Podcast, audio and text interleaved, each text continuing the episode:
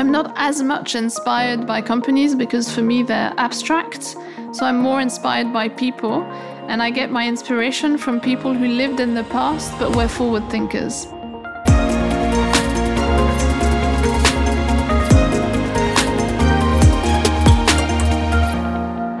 A fax machine and a telephone line, those used to be the, the good old days.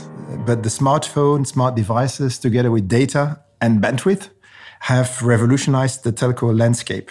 The future, monitored robots, police drones, self driving cars, all may be a little bit uh, futuristic, but in this episode, Anne-Sophie Lotgering tells us how technology in form of co-creation is about to facilitate all of that. So very warm welcome, Anne-Sophie, today. Uh, thank you for your hospitality because we are at the highest floor of the Proximus building in the center of Brussels with a beautiful view. Well, thank you for coming over and thank you for having me. It's it is indeed a beautiful view. Unfortunately, the sun's a little hidden, but yeah, uh, it's a typical Belgian summer, is typical it? Belgian yeah. summer. But I understood you were going to change this building, or are you going to modernize the building? Are different plans that we're thinking of. I think the main thing is for us to be able to provide our employees with an environment which is fit for purpose for today, but also for tomorrow. And that means creating more open spaces, uh, creating more creative environments, making sure as well that um, teams are able to work in an agile manner um, using the spaces that are made at their disposal. And I think it's really exciting because it means that as a company, we're moving forward and making sure that we give the best environment for our employees. So it's uh, yeah, ready for the future of work. Ready for the future way of working, whatever that will look like, yeah. because it's already changed a lot in the last 12 months. Um, but really being able to also provide flexibility yeah. so that we've all gotten used to working from home, being able to still do that because, you know, it provides flexibility to all of us. But at the same time, making sure that we have an office environment that really is welcoming, that fosters what co-creation, you mentioned it, creative spirit, and also, you know, really good way of collaborating across teams. Okay. So it's great. Well, let's get to uh, your job because uh, you started in this job in July last year in the middle of COVID. You became the chief enterprise market officer at Proximus. That's a mouthful. So maybe I'll let you explain what it means and what this division actually does. Yes, no, sure. So you're absolutely correct. I started it, well, more or less a year ago. Time has flown past. So the enterprise uh, division is the division within Proximus that takes care of all of its B2B customers. We generate around 1.4 billion euro on an annual basis and we provide telco and IT, so ICT services for our customers. That's what we do. So, of course, we have a, a, team of wonderful people who make sure that, first of all, we're able to provide compelling answers to our customers' requirements, that we're then able to ensure that it meets exactly what they're looking for, that we're then able to deliver those services on time on budget, um, that we're able to improve the experience that our customers have. And then, last but not least, of course, uh, foster together an understanding of how the market will evolve mm-hmm. because mm-hmm. it's such a quick changing market mm-hmm. that we get a lot of insights from our customers but also our partners and the ecosystem that we work in. well we'll talk about that way more in depth uh, in the next hour but uh, maybe first a personal question do you know what we both share? Not sure. Well, I'll tell you. Enlighten me. I'll tell you. We both worked for Microsoft. Oh, wow. Yeah.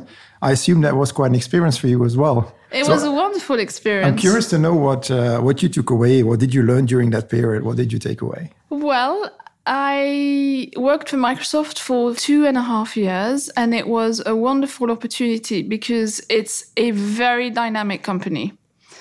And it's a company that's always reinventing itself, even though their results don't necessarily compel for a transformation because they're doing really well. So the generally companies transform because they have to. Exactly. And I think Microsoft transforms because they want to. One step ahead. One step ahead. And I've really enjoyed that. And I think that's what I've learned the most from working with them is that change happens when you want it to happen, not when you should be compelled to have it happen. Yeah. And that for me was my biggest learning. And what about people? I thought it was an inspirational environment because you meet a lot of smart people. Uh, so I met wonderful people, some of which are still my friends today. It's an environment where indeed you have very talented individuals. You're also able to meet all sorts of nationalities um, because it's a very multicultural company that has a global footprint. So I was responsible for the services business for Central and Eastern Europe. And I had a wonderful time being able to visit our customers in Russia, Mongolia, all through the Balkan corridor and all the way down to Cyprus and Malta. And it was a culture that I hadn't been really exposed to before, either in my personal life or my uh, professional life. And it brings a lot, I think, in terms of understanding why people think a certain way, what culture also influences the way that they work and just being open to understanding how others might feel and be because of the environment that they're in. Okay. Yeah. Let's go back to, uh, well, not that long ago, when you got into the technology sector, because a, a little bird called the internet told me that actually you studied history. How and when did you make that switch and got into the technology sector to start with? Well, um, I finished school. I was very young. I was 16 years old. Um, and I wasn't, I had a dream that I wanted to be an archivist paleograph. So a specialist in terms of reading and understanding all documents. And that's why I started studying history. And I did that for a number of years. I did my master's, but I also had a bachelor's in history of art and I did some town planning as well. So I was really trying to find myself a little bit. And I realized that an archivist paleograph's role is very lonely. You work by yourself with documents, uh, but it's not a job that entails talking to other people and working with other people. And I realized that even though I was fascinated by it, and I still am, it would be better for me to use it as a hobby than an actual job. job. And because I finished my studies in London, in the UK, they're a lot more open about you doing any course of activity, Yeah, exactly. whatever the Yeah. studies that you were doing. And I was very lucky because the European Commission was looking for uh, young, well, graduate students who spoke a few languages. And they were hiring for different projects. And I ended up being a webmaster for a telematics applications project Okay. on which I knew nothing about. Uh, but very quickly you learn, you know, you're young, you learn, you, you want to grow. And that's how I ended up being in the tech business. Nice. I almost forgot about the job description of webmaster. I didn't know that still existed. Uh, so you got into a, a world that is probably one of the most uh, transformational industries uh, that you can be in, right? And in the COVID crisis, I think we realized how reliant we are all on, on telco companies and how what a crucial role they play as a facilitator.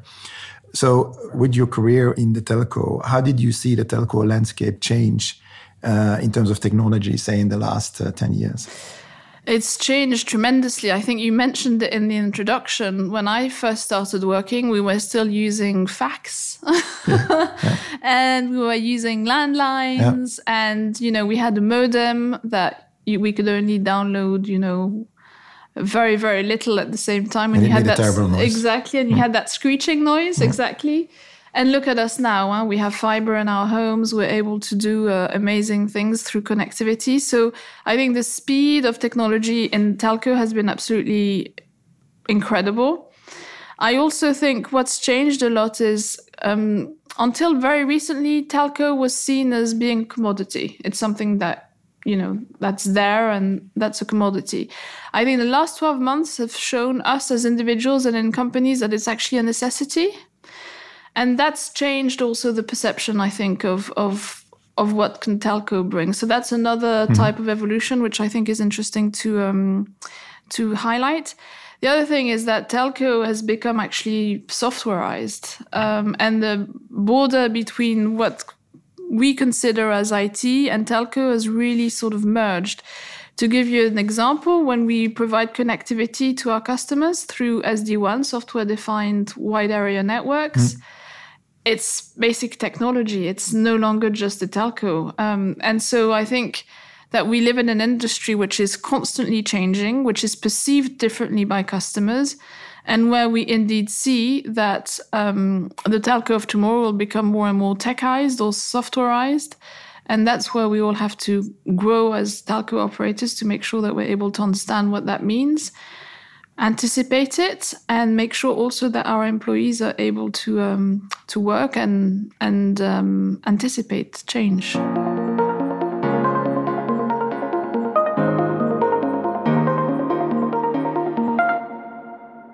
in that evolution, Proximus wants to take more of a leadership role in facilitating the digitization of, of Belgium uh, companies. So that's also in your responsibility. I'm thinking of IoT or data analytics uh, infrastructure. So, what steps do you take to make that happen, to help companies getting there? So I think first of all, it depends of the size of the company, um, and it depends also on their digital maturity, and also, of course, it depends on when I meant the size of the company as well, whether they have IT expertise in house or even a dedicated person responsible for IT.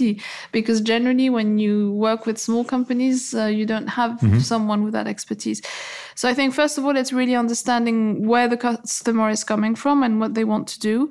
But generally, I think companies today they're driven by four things. I think they want to be cloud enabled because it provides them with a lot more flexibility. They can go up and down depending on what their needs are.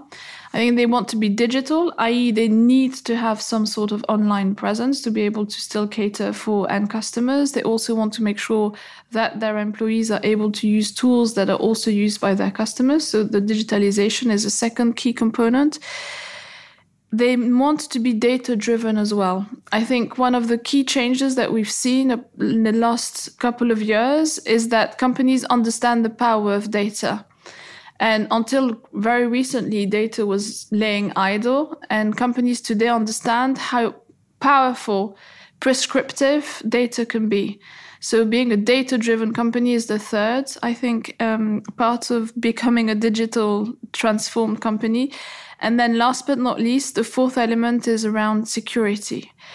The biggest asset that a company has is its IP, and therefore it needs to be end to end secured. So, if you take those four points, um, a company wants to be cloud enabled, digitalized, data driven, and end to end secured. And those are the four pillars to any digital transformation. And Proximus accompanies our customers in all of those four points. Yeah. And the basis is 5G and fiber, obviously, because that's what you talk about the commodity exactly. underlying those four Absolutely. those four areas. And then in those four areas, you are you having B2B partnerships uh, and ecosystems. How do you help create ecosystems in each of those areas? Yeah, I think when you look at creating an ecosystem, you try and understand, first of all, what will deliver the most value for a customer and what partnership um, or alliance, however we may decide to call it, will be the most relevant. And um, if you look at the way that, and it's generally linked to the need to have innovation and mm-hmm. to be innovative. Yeah. And if I look at the three aspects of innovation, you know, companies look at innovating incrementally, so they do better. Um, so sorry, they do better or they do right. That's the first level of innovation. The second level of innovation is what we call adjacent innovation, where companies do more. And then there's breakthrough innovation, where companies do new. And I think establishing ecosystems is particularly relevant for the latter two. So the adjacent innovation and the breakthrough innovation, because it's the combination of different expertise and different knowledge within a set of companies that will enable this breakthrough and adjacent innovation. And that's how I think robust ecosystems are created. It's with that in mind. Talking about that, you uh, on innovation, your your CEO Guillaume uh, Boutin is very vocal about the fact that Belgium is actually too small a country for pure competition as an engine of innovation. And so he, actually advocates cooperation. Uh, but how do you get direct competitors uh, to co create with each other? How does that work? It works well. Um, I think, first of all, if you are looking at identifying a business model that's new, and where there are two parties, whether or not they're competitors or not, that have a willingness to go forward, that's when you know you decide and you agree that it's worth working together but it's indeed the starting point is identifying what's the business model innovation that you want to create mm-hmm. and that then that ecosystem could be partners. Uh, so you could be partnering with companies that you have a tendency to partner with, but it could be to decide to work with a competitor to enable that. And I think that Belgium is a fantastic country. It's not the biggest country in terms of geography, and therefore the ability between all of the big Belgian companies to be able to work together creatively I think is is very very important. And do you think the mindset is there in Belgium to have that collaborative approach to build ecosystems? Do you think we are already there? I think so. Yes, huh. I think so. In my conversations with the B two B customers. Um, they are really looking at doing what they can to help other businesses, but also to help the citizen uh, of Belgium, so the Belgians uh, nationals. So I think definitely the appetite is there. The question is then how do we get organized to make sure that that happens? Because a lot of people think innovation and, and organization don't go together. But actually, you know, being able to work on something tangible with a competitor, with a partner, means that you actually have to have a framework mm-hmm. because then everybody knows what they're bringing to the exactly. table. And that means that the actors around the ecosystem, even if they're competitors, they know what they are bringing to the table.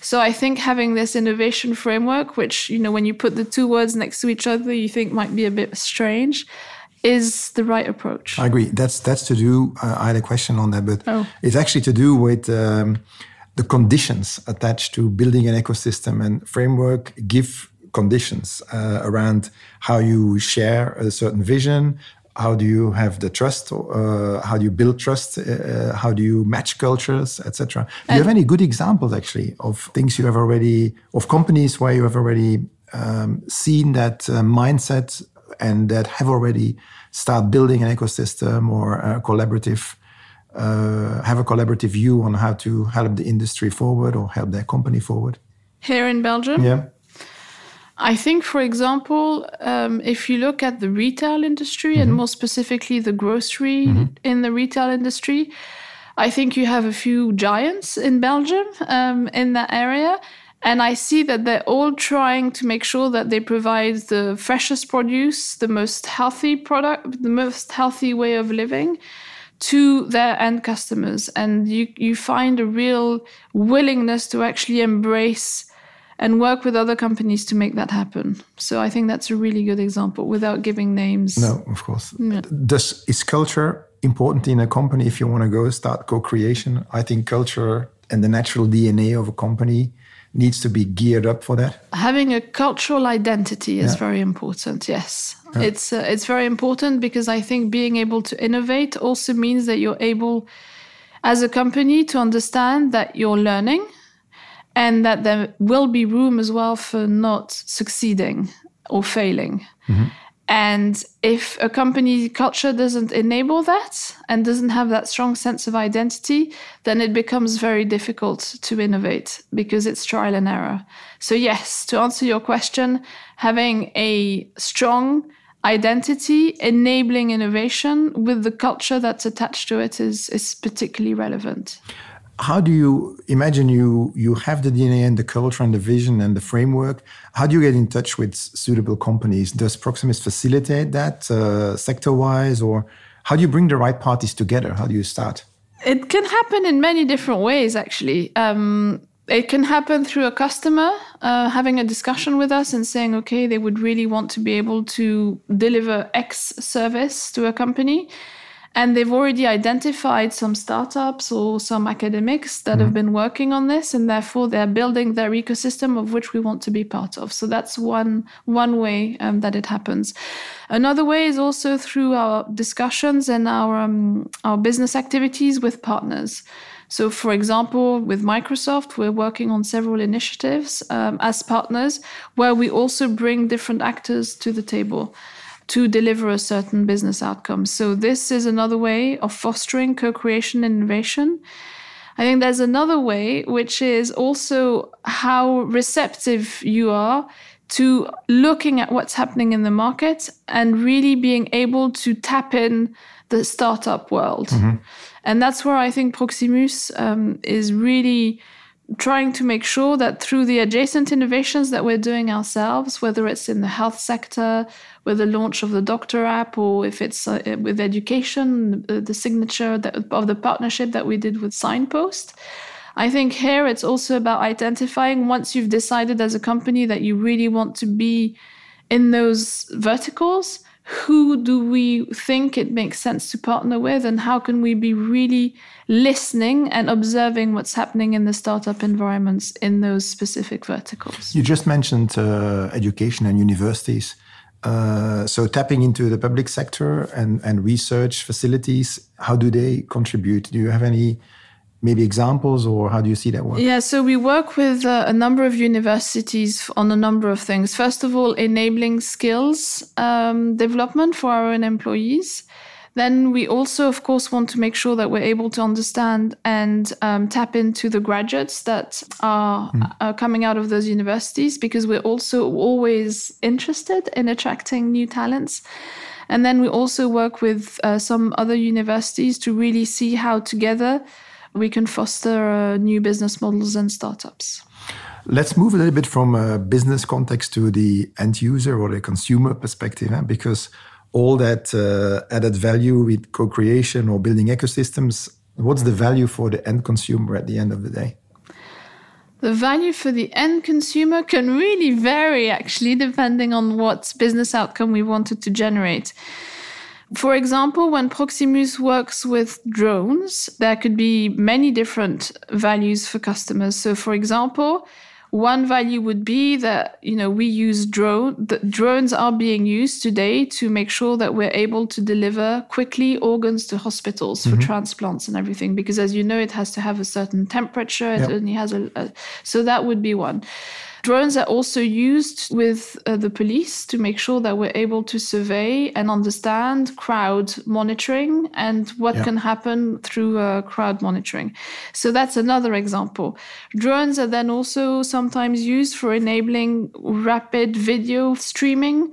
So that's another way that you get information very quickly as an end user. So you see, according to the sort of innovation that you're working with, even if it's the same medium, here the drones the benefit for the end user can be very very different depending on the usage and of course all of that is powered through connectivity to come back to your point mm. and 5g will be uh, instrumental in making all of that happen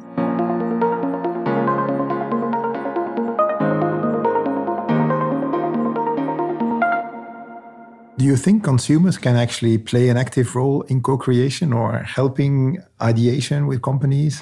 I think so. I think so because the whole purpose of co creating and co ideating is not just to deliver something for someone, it's to deliver value for your end users. And if you look at the way, if you have a, if you understand or if you decide together what's a motivating business challenge and how that will impact the end users of a company, then they should be involved um, through first the ideation. Mm and then through the different um, methodologies through mvps etc so that we can make sure that we get it right. And because if they're not involved and it's a service that we want to provide to them then the fairest chance is that we won't get it right so yes, I think they have they we yeah, yeah. have a role to play. And do you have uh, processes for that at Proximus as well? Yes, we organize. Uh, we have a, a, given methodology. We also make sure that we tap into more, I would say, conservative means such as focus groups. Yeah. So yes, we have uh, we have the framework to make sure that we're able to understand what our end users want. Okay, let's look a little bit further at the future because you talked about uh, bandwidth commodity lining up to softwareization of the telco business. What is the next challenge that uh, the next challenge you see for for telco companies? Well it's a good question. I think the next challenge is to continue on being relevant to our customers. And you know, I can't really predict what the next big technological evolution will be. I think Gartners of this world are probably a lot more um, good at sort of having that vision. But for me, telcos are in such a rapidly diversifying market that if we don't adapt because we want to, to come back to the point that I'd learned about Microsoft, then there is a chance that we would be this we could be potentially disintermediated. Yeah, exactly. It's a very different Yeah, yeah, difficult yeah. word. and we can we can agree to to abandon the word telecom operator because that has no link to the reality anymore. Absolutely. I see Proximus, at least for our enterprise uh, business activity, as being a, an ICT player. Systems integrator or An ICT player. ICT so player. ICT, information communication technologies, because that's exactly it. And, and Proximus, we have a fantastic telco DNA, but we also have invested through acquisitions and through upskilling and IT expertise. Mm-hmm. And I personally think that it's the combination of this telco DNA and this IT expertise and those IT assets that will continue on giving us relevance uh, in the market as a multi specialist play, really deciding on which are the areas that we think we can provide value, such as cloud, Internet of Things, um, security, communication, and collaboration. yeah. So that's actually expanding your portfolio. It's expanding In our the- portfolio to stay relevant. In And the in the future, do you see any acquisitions, or or not that you would tell me, but uh, do you see any areas where you could potentially uh, uh, continue to expand your services portfolio? Yes, we do, but we look at it in three dimensions. We look at it through our own organic growth. Um, we look at it through partnerships, to go back to your ecosystem point. And we look at it through the lens of uh, mergers and acquisition. And each has a role to play in executing on our strategy, but we always look at it with that holistic three point view.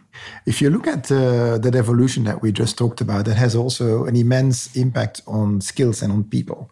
Probably the the people you recruit today are not the ones you would have recruited 15 years ago. How do you see that evolve in terms of skills needed, recruiting the right talent?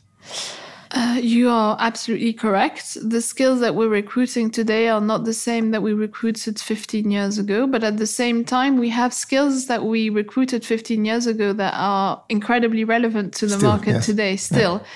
And I think it's our duty as a company also to make sure that we're able to understand what our employees need in terms of upskilling to also stay relevant in their jobs. Um, but yes, the profiles are different. And if you look at where the market needs are, I mean, everybody's clamoring for the same resources, you know, data engineers, uh, security specialists, more specifically in the area in the area of cyber defense. And there's a new profile that's emerging, which is an, a technology profile that also has a really good understanding of business.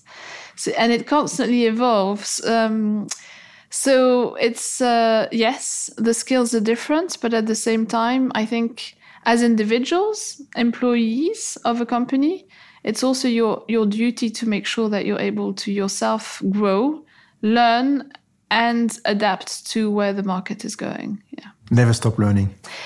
growth mindset. Exactly, growth mindset. And it's very important as an individual, as an individual, and back to your point about company culture, about part of the culture as well, is that you're aware that everything is fluid and dynamic, and you have to be dynamic as well.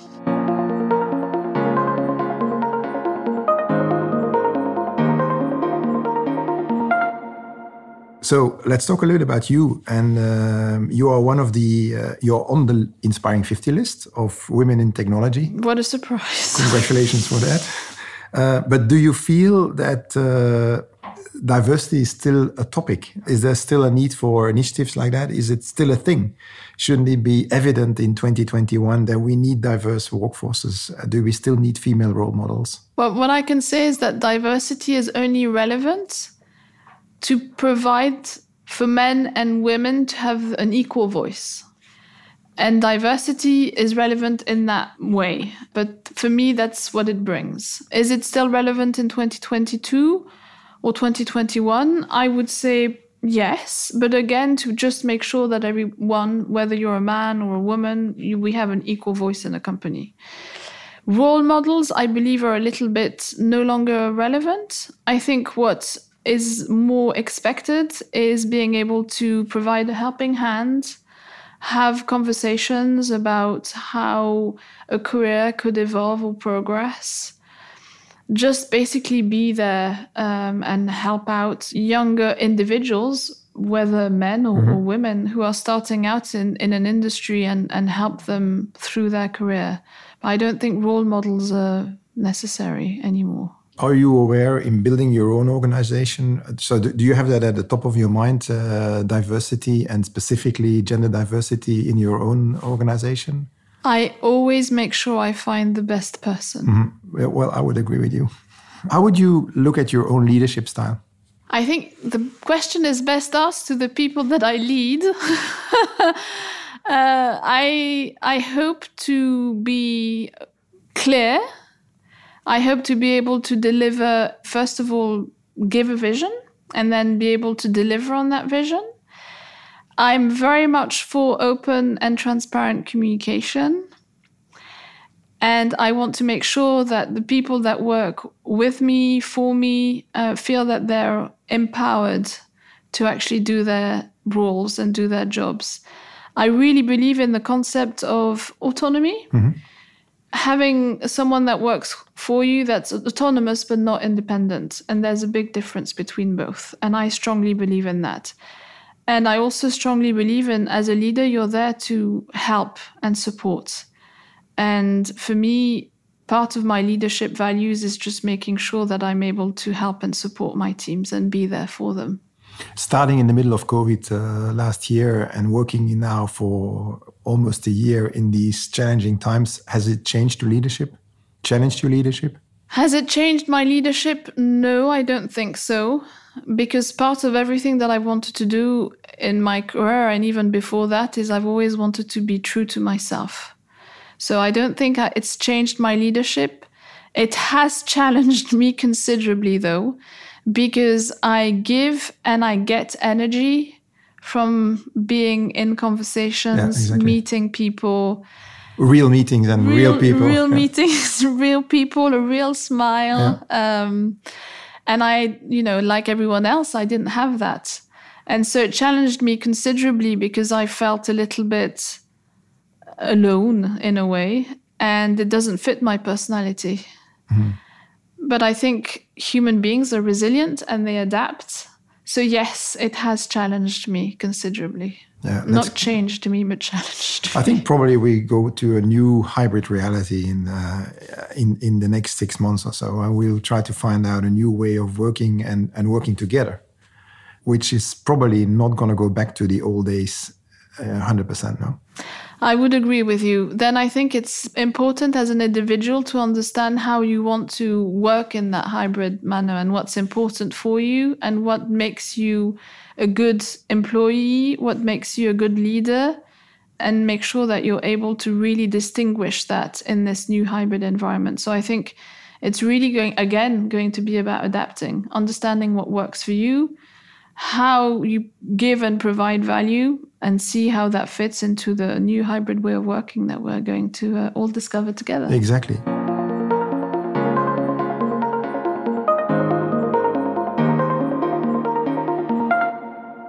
Well, I have a few uh, short closing questions for you. All right, yeah. let's let's go. What achievement are you personally most proud of? What achievements? Yeah.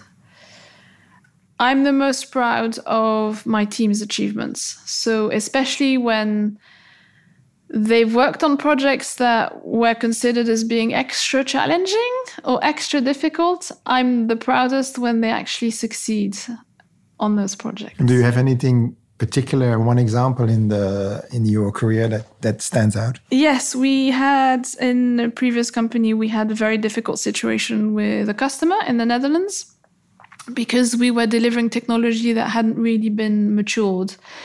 And so the customer also had a, an ecosystem of partners where it wasn't always really clear who was responsible for what exactly. So we had that complexity on the customer's side, and we had our own complexity to deliver technology that was not very mature. And of course, the customer wasn't too happy about it all.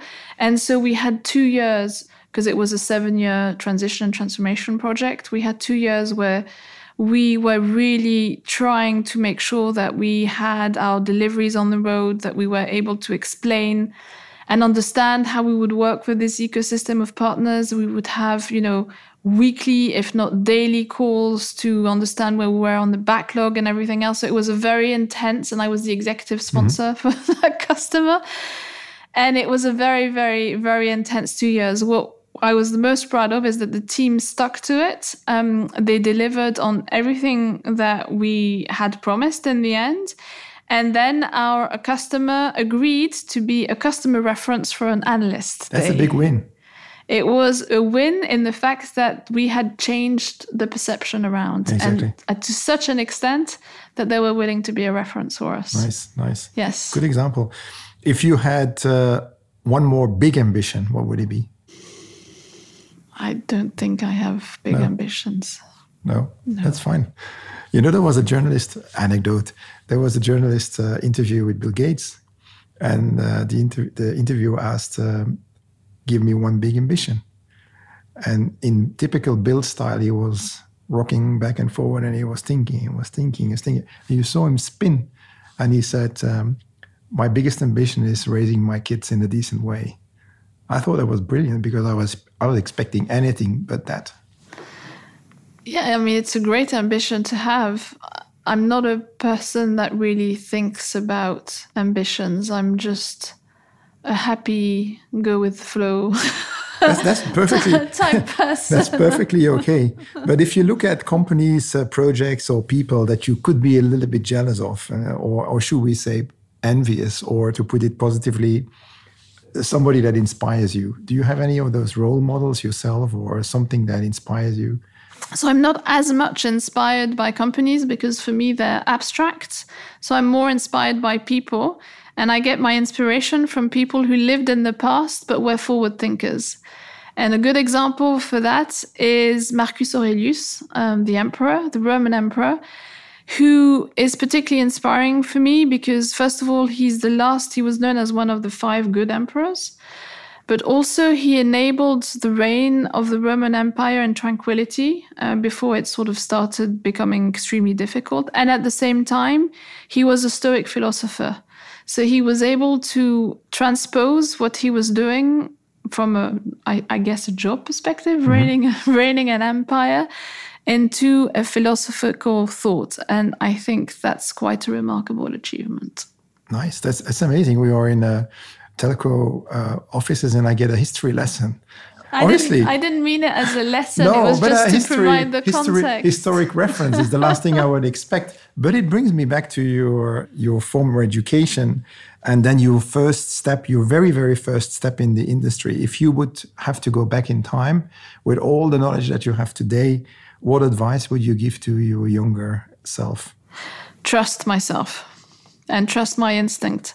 I think it's taken me a, a while to actually trust myself that I'm able and capable. And I think I could have reached to that point much earlier on in my life, whether personal or private or, or professional. I think a lot of people are are uh, could do with that advice. Trust in your own capabilities and and then your own instincts because exactly. i think instinct is generally something to follow. Yeah. Well anne-sophie thank you very much for this uh, cozy interview. We talked about uh, the changing role of the telco industry uh, your job your challenging job in softwareizing this uh, whole industry and the role of cloud and data and, and, and all the additional services that you will build and uh, the way to do that through ecosystems, I think it's a really important one. I think Belgium is ready. Some industries are more ready than others, but uh, building ecosystems and ecosystems of collaboration are key for innovation, for driving innovation. We'll talk a lot about that in our fifth conference on Wired for Growth, 14th uh, of October. We have a big conference where we're going to talk about innovation and transformation with a lot of CEOs. And then we talked a little bit about diversity and then I got a little bit of a historical reference. So thank you for that. Thanks for your time and a lot of success uh, in your job. Well, thank you very, very much. It was a very pleasant uh, conversation, and I'm very glad that we had that moment. If you would like to know more about ecosystems and innovation transforming companies, make sure to attend our fifth conference, Wired for Growth, on the 14th of October. See you there.